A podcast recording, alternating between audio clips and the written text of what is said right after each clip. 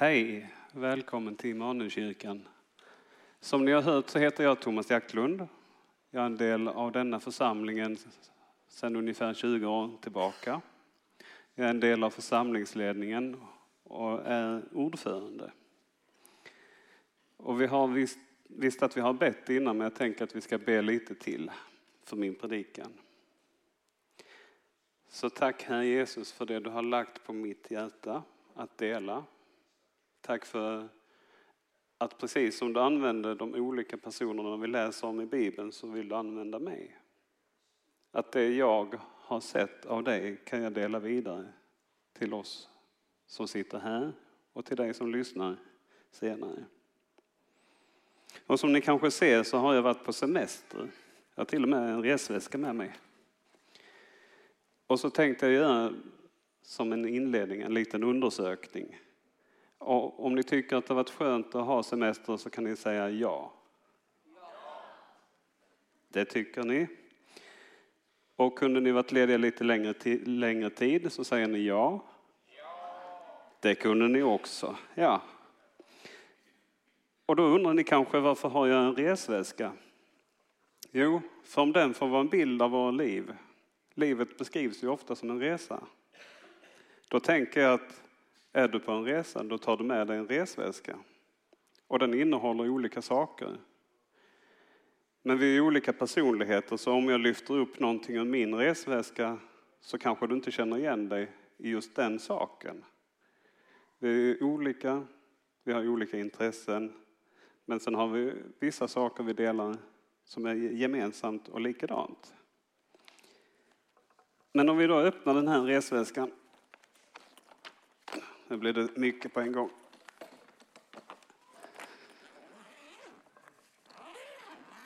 Så ska vi se vad vi hittar.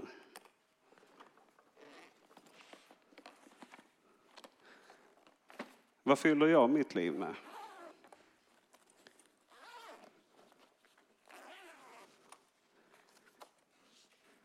Vi kan ju börja i denna änden.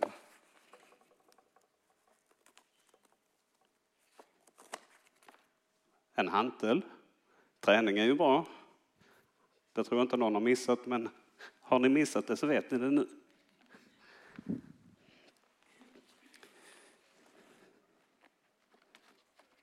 Böcker. Jag tycker mycket om att läsa böcker. Så en bok finns med i resväskan.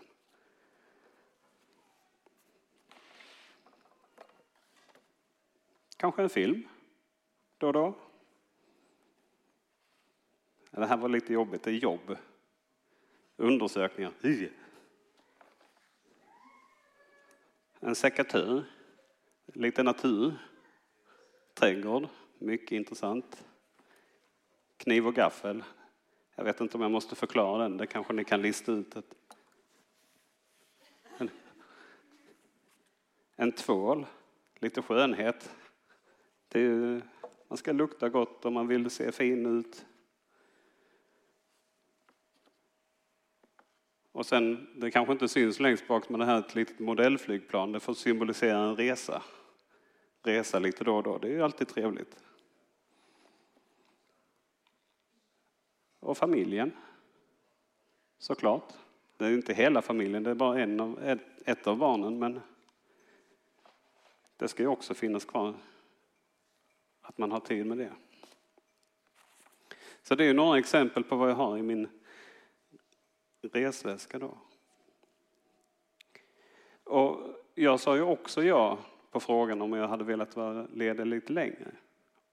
Och för min egen del så är det ju att under sommaren här, då kunde jag packa ut allt som var tråkigt i livet. Jag har inte haft några måsten, inga långa tråkiga möten. Jag har inte behövt tjata på mina kollegor för att försöka förklara att de ska fatta ja, men det här är viktigt, vi måste göra det här. Jag har sluppit det, jätteskönt. Och nästan varje morgon, inget alarm. Man kan sova hur länge som helst. Det är jätteskönt. Och sen på ett sätt så tänker jag att det är bra. För det speglar ju lite vad vi är skapade till. Vi är ju inte skapade till att leva ett sånt här liv där vi kämpar och sliter. Vi är skapade för ett paradis där vi är i Guds närhet. Men risken finns ju att vi själva försöker skapa det här paradiset i egen kraft och med egna metoder. Men om vi läser Bibeln så är det ju inte det som står. Det är Jesus som ska komma och med honom kommer paradiset. Tillbaka till väskan. Nu har vi packat ur alla saker, nu ska vi kanske packa i den igen. Men vad är det vi ska ha i den? Och jag vet inte om någon har använt den här liknelsen här innan. Men jag tänkte att innan jag är klar så ska alla här inne förstå att Gud är som en katt. Och vad jag vet så står det inte i Bibeln. Det står att han är som ett lejon ibland. Och det är, det är ett kattdjur, men nu menar jag inte ett lejon utan menar en bondekatt. En vanlig liten katt. Så nu får ni spänna fast er så ska vi se om vi lyckas. Och som jag redan har varit inne på så har vi både roliga saker och tråkiga saker som vi ska ha in i den här väskan. Och då tänker jag att vi kanske ska börja i Bibeln och, tänk, och läsa vad säger Bibeln att vi ska fokusera på. I Jesaja så kan vi läsa om att det finns någon som erbjuder oss att äta och dricka något som ger oss vår själ näring och liv. Och här är tipset att det är Gud, Gud som menas. Och i vers 6 i kapitel 55 så står det Sök Herren medan han låter sig finnas. Åkalla honom medan han är nära. Och som ett eko så återkommer Jesus senare till ett liknande budskap efter att han har berättat att vi inte ska oroa oss för våra liv, vad vi äter, vad vi dricker, våra kroppar eller kläder. Att vi bekymrar oss över detta kan vi sedan läsa i Matteus evangeliet 6.32. Allt detta söker hedningarna efter, men er himmelske far vet att ni behöver allt detta. Nej, sök först Guds rike och hans rättfärdighet så ska ni få allt det andra också. Bekymra er alltså inte för morgondagen, för morgondagen bär sitt eget bekymmer. Var dag har nog av sin egen plåga. Och eftersom Jesus säger detta så tänker jag att det är just precis för att han vet att vi lätt fastnar i sådana här tankar. Att vi oroar oss för sånt här. Men att det inte ska behöva vara så.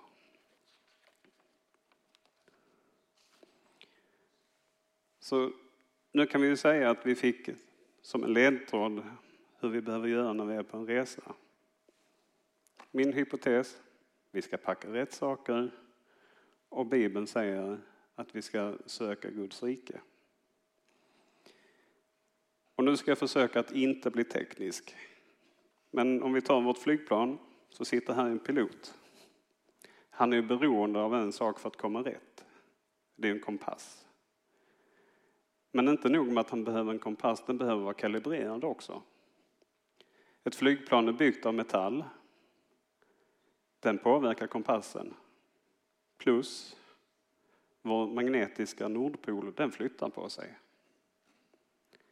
Alltså måste man regelbundet kalibrera kompassen för att den ska visa rätt riktning. Och ska vi vara riktigt fina så heter termen att man devierar kompassen. Och precis likadant är det med mig och med oss alla. Vi har en kompass här inne. Och den behöver ses över hela tiden för att den ska visa rätt. Men förutom att vi ska hitta rätt med kompassen så behöver vi ha en balans. Och det här är ett gammalt flygplan, eller en modell av ett gammalt flygplan.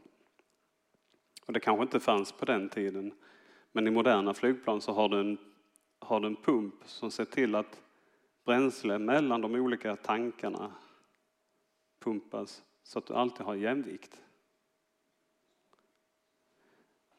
För om planet har obalans och lutar åt ett och annat håll, det blir svårare att flyga för piloten. Och det blir också, gör så att flygplanet kommer ur kurs. Det är till och med så att om jag kan söka som ett jobb inom flygvapnet som heter lastmästare. Det är han som jobbar på fraktflygplanet och ser till att all last står på rätt plats i flygplanet. Det är ordentligt surrat. Han vet vad allting väger så att han kan balansera det stora flygplanet. Och det är någonting jag tänker att vi alla behöver. Vi behöver kalibrera riktningen. Vi behöver ha balansen så att vi inte lutar på fel håll.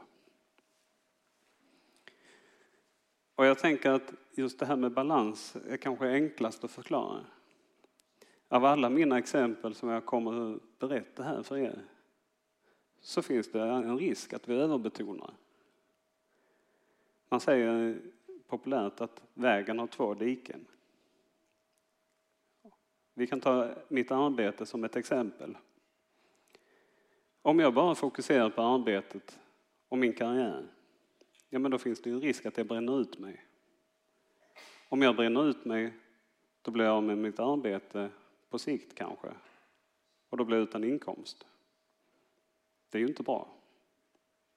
Men om jag inte fokuserar på mitt arbete, ja då blir jag en dålig anställd. Och då får jag kanske kicken. Då står jag utan pengar igen.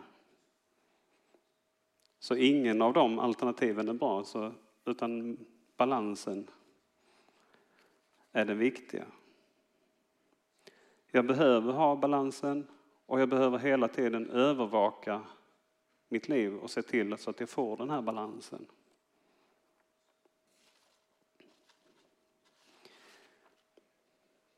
Så nu tänker jag att vi har löst balansfrågan. Det är inte lätt, men vi vet vad vi ska göra. Men hur behåller vi då riktningen? Ja, här tänker jag att vi ska börja prata om vad är det som hindrar oss att hålla rätt riktning. Om jag skulle fråga oss som är här i rummet och har gått i söndagsskolan vad som skulle vara ett hinder så skulle de flesta svara att den onde är ett hinder. Och absolut, det jag tänker är viktigt att lyfta fram i ett sånt här sammanhang det är att den där bilden är kanske lite förenklad också. Att vi tror att vi lätt kan se att det här är en villoväg. Det här alternativet som inte är bra. Det kan jag se skillnad på. Det tror jag inte. Det är inte lätt. Vi kan göra det. Men som Bibeln beskriver det och vad jag själv har sett så är det lite svårare. För det här ser jättebra ut i mina ögon. Det ser tillräckligt bra ut. Men det betyder inte att det är det i Guds ögon. För mig är det här, de här alternativen en enkel lösning. En snabb lösning. Jag behöver inte kämpa så mycket. Men jag tänker att det finns en hel del skyddsmekanismer som Gud har gett oss för att kunna stå emot det här. Ett intellekt. Vi har alla möjligheten att fundera på, ja men vänta lite, vad händer om jag väljer det här? Vi kan fråga Gud om ledning. Man kan ju bara fundera vad som hade hänt med Adam och Eva om de liksom, ja men vänta lite, ja okej du säger att det här äpplet är okej för oss att äta, ja men vi går bort här till Gud. Ja men du Gud, hur var det, var, var det äpplet okej? Eller var det det äpplet som var, ja okej, nej det var inte okej att äta det äpplet. Nu hände det inte så. Men de kunde ha gjort det. Och så kan vi göra. Församlingen, smågruppen, familjen. Är det, är det ett viktigt beslut så kan man ju alltid dubbelkolla. För är det någon som kan, som känner mig och kan säga att ja, men det där kanske är bara dina egna motiv. Då är det de som är nära mig. Och en källa som kanske inte så ofta tas upp här, men som ändå kan ge budskap från Gud, det är de människorna som är närmast mig varje dag. Jag upplever att jag har fått budskap från Gud från mina kollegor på jobbet som jag inte är säker på att de går i kyrkan. Jag tror kanske inte alltid att de ber sitt Gud som haver på kvällen eller något sånt. Men vissa saker de säger, det kan inte vara från någon annan. För det går rakt in i hjärtat. Och det står ju faktiskt i Bibeln att vi ska inte förakta profetian. Vi ska pröva allting noga. Och den profetian tror jag kan komma från andra, annat håll än från barnförsamlingen.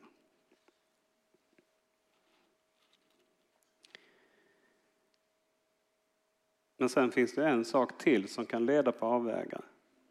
Och det är jag själv. Mina egna idéer, mina egna tankar är en bov i dramat. För om vi hade läst vidare i Jesaja 55 där vi läste innan så hade vi kunnat läsa följande.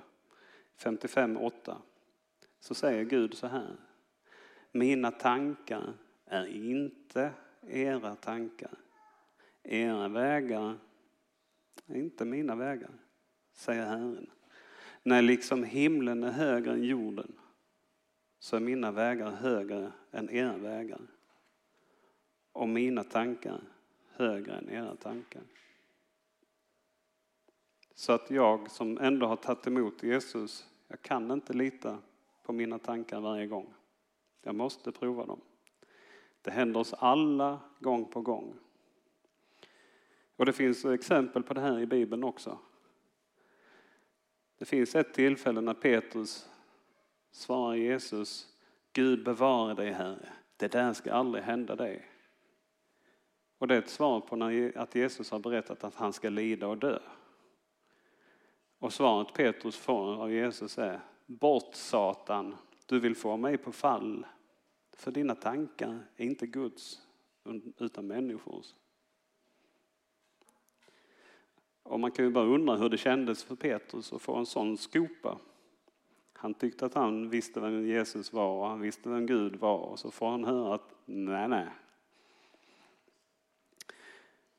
Men så blev han ju korrigerad och sen var allting lugnt. Behövde han aldrig mer korrigeras. Eller? Jo, faktiskt.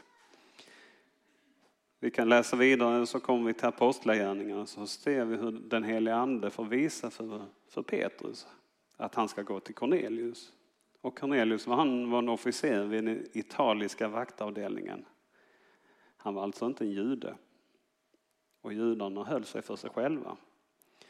Och Petrus han säger själv, säger själv i texten till Cornelius.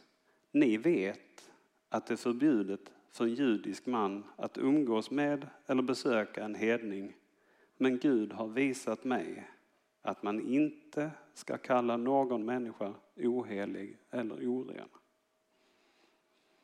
Igen fick Gud visa Petrus att hans tankar inte var Guds tankar. Och så är det för oss alla. Den helige Ande kan hjälpa oss kan hjälpa mig så att jag håller kursen bättre.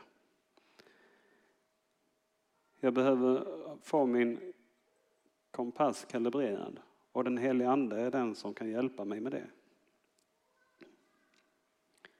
Och jag kan göra det på många sätt. Och en del av de här sätten passar mig och kanske inte passar dig. Men det finns olika sätt att göra det på. Om ni kommer ihåg och fortfarande sitter fast och funderar på det där med katten. Så tänker ni, ja men nu har jag ju glömt det där med katten. Nej, det är nu det kommer. Är det någon som har haft katt här inne?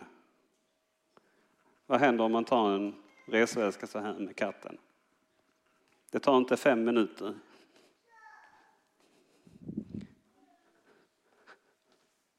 Då sitter ju katten där. Hallå, Glöm inte mig. Jag vill också följa med. Och vi här inne som tror på Jesus, vi har ju fått del av den helige Ande. Det är vår hjälpare. Och det är ju det katten symboliserar. Gud vill ha en del av ditt liv. Han vill finnas i din resväska. Men det här det den viktiga poängen kommer. Hur mycket plats Det är upp till mig. Det är jag som bestämmer hur mycket plats som finns för katten. Vad fyller jag den här väs väskan med? Det är inte så att Gud kommer ta plats i min väska. Jag kan ge plats.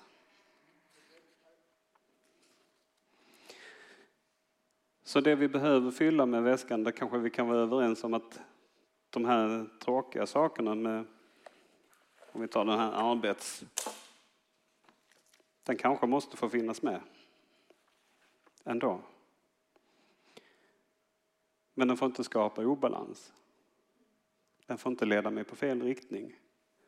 Om denna leder mig på fel riktning eller skapar obalans, då måste jag se över den.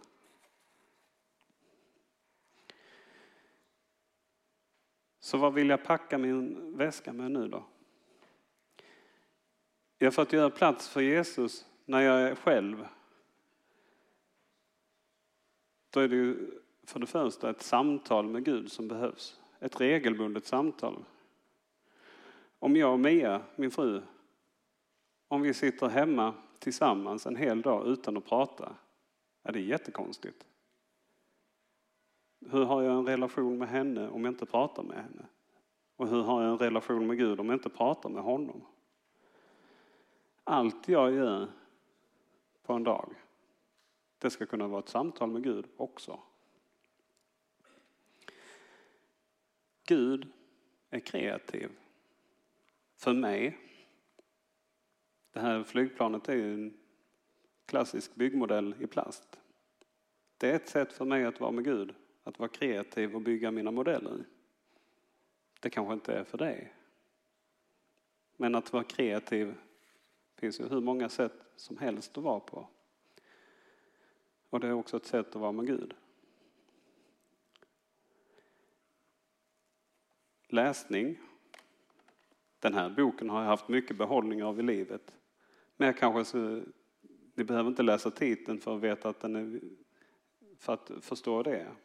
Men jag kanske inte bara ska läsa sådana här böcker för att det finns ju också en bibel. Eller när man tycker att man inte hittar med just för stunden att läsa i bibeln så kan man läsa en teologisk bok.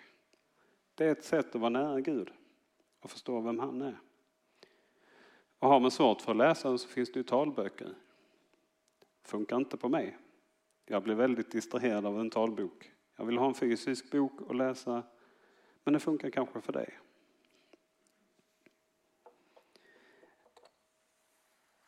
Ett sätt att jag har kommit nära Gud, det var faktiskt att vara förälder.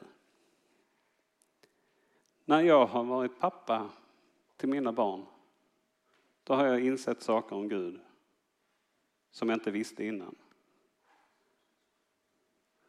Så ni som är föräldrar eller ska bli föräldrar, ta chansen och tänk, vad speglar jag i Gud just nu?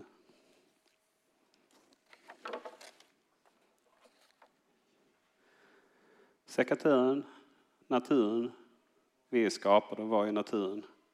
Så många gånger som jag har upplevt Gud nära när jag är ute. Jag räcker en vanlig trädgård så får jag vara nära honom. Men jag tänker att det finns ju tillfällen man kan söka Gud när man inte är ensam. Man ska vara med andra. Detta är ett jättebra exempel.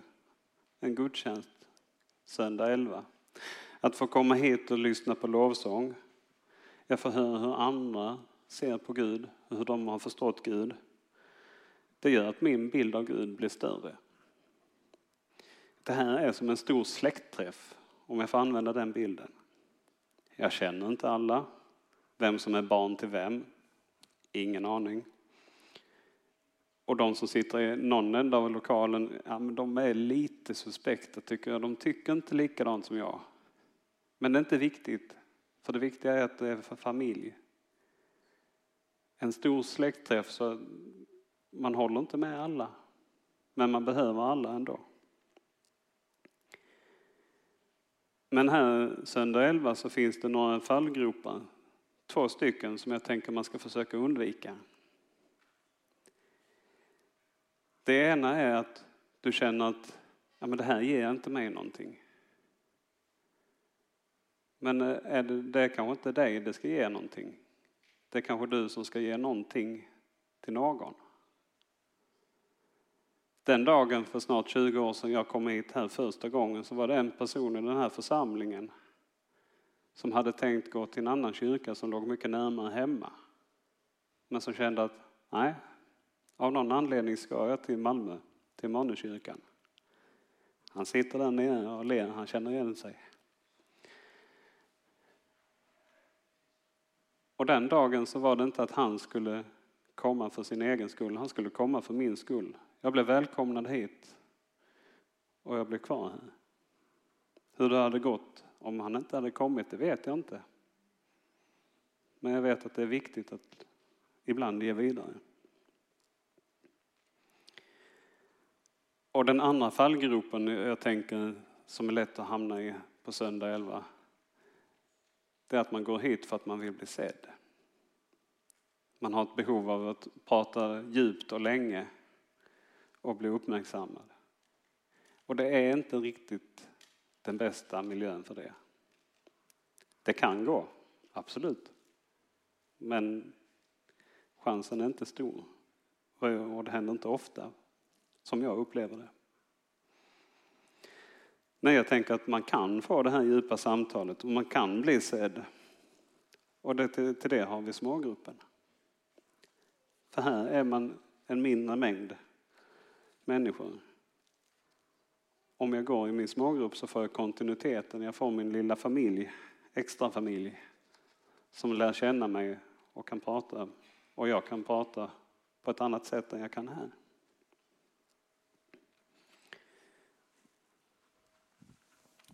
Så, nu har vi då fyllt den här väskan.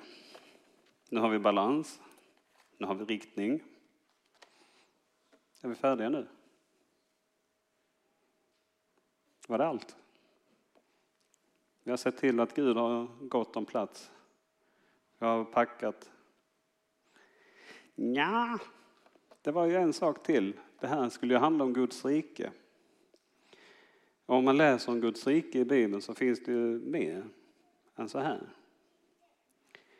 Vi ska inte bara fylla den här väskan och så ska vi vänta på att Jesus kommer. Vi ska vara vittnen. Vi ska berätta för världen vem Jesus är. Det är vårt uppdrag. Ibland, inte alltid, men ibland har vi läst det här som att ja, om vi ser till att några missionärer och så skickar vi dem dit eller hit eller där eller här. Då har vi löst det. Att åka till andra länder, det är väldigt påtagligt och tydligt. Ibland så har vi kanske sett det som att det är lite finare och lite bättre. Min poäng är inte att det är fel på missionärer, det är inte det jag vill säga. De har gjort jättemycket bra för världen. Min poäng är att vi alla är missionärer. Det är inte det att vi ska åka till andra länder som är svaret för alla oss. Vissa ska åka. Det ligger på dem att göra. Men för oss andra så är det vardagen som är vårt missionsfält. Om jag väljer att vara närvarande i min vardag, om jag väljer att se andra människor, jag kan be för andra människor jag passerar, jag kan be för de platser jag är på. Då kanske det öppnar sig en möjlighet att prata om Jesus för de människorna vi möter. Kanske inte. Jag har jobbat med många människor som visste att jag var kristen. Många dagar, flera år. Det kom aldrig chansen för något samtal. Men jag var beredd. Och med några människor så har det kommit möjligheten att berätta, ja men den där kyrkan, vad, är, vad tror ni där? Hur tänker ni där? Och så ni kanske, det är kanske fler som känner igen sig i den beskrivningen. Och här tänker jag att det viktiga är att man är öppen för det samtalet. Sen kanske det inte kommer. men jag är villig. Det här är min resväska jag har i jobbet när jag åker till, iväg runt i Sverige och jobbar. Hur bemöter jag tågpersonalen nästa gång jag har packat denna och åker vidare? Mitt sätt att vara kan föra den personen längre från Jesus eller närmare. Det är mitt val. Det jag fått här i huvudet, kunskap, färdigheter, förnuft. Det kan ju göra så att de skattepengar som min arbetsgivare drivs av används på ett klokare sätt. Och likaså tvärtom. Det min arbetsgivare har gett till mig i kunskaper och färdigheter, det kan jag ta tillbaka hit här till församlingen. Så att Guds rike får nytta av det. Så sammanfattningsvis så tänker jag att det är upp till oss alla här inne att välja hur vi packar våra resväskor. Jesus han önskar av oss alla att han får vara med en del, en naturlig del i allt vi gör. Men det är bara du som kan välja hur du packar din resväska. Det är ditt val. Samtidigt så är Bibeln tydlig. Sök först Guds rike. Tack.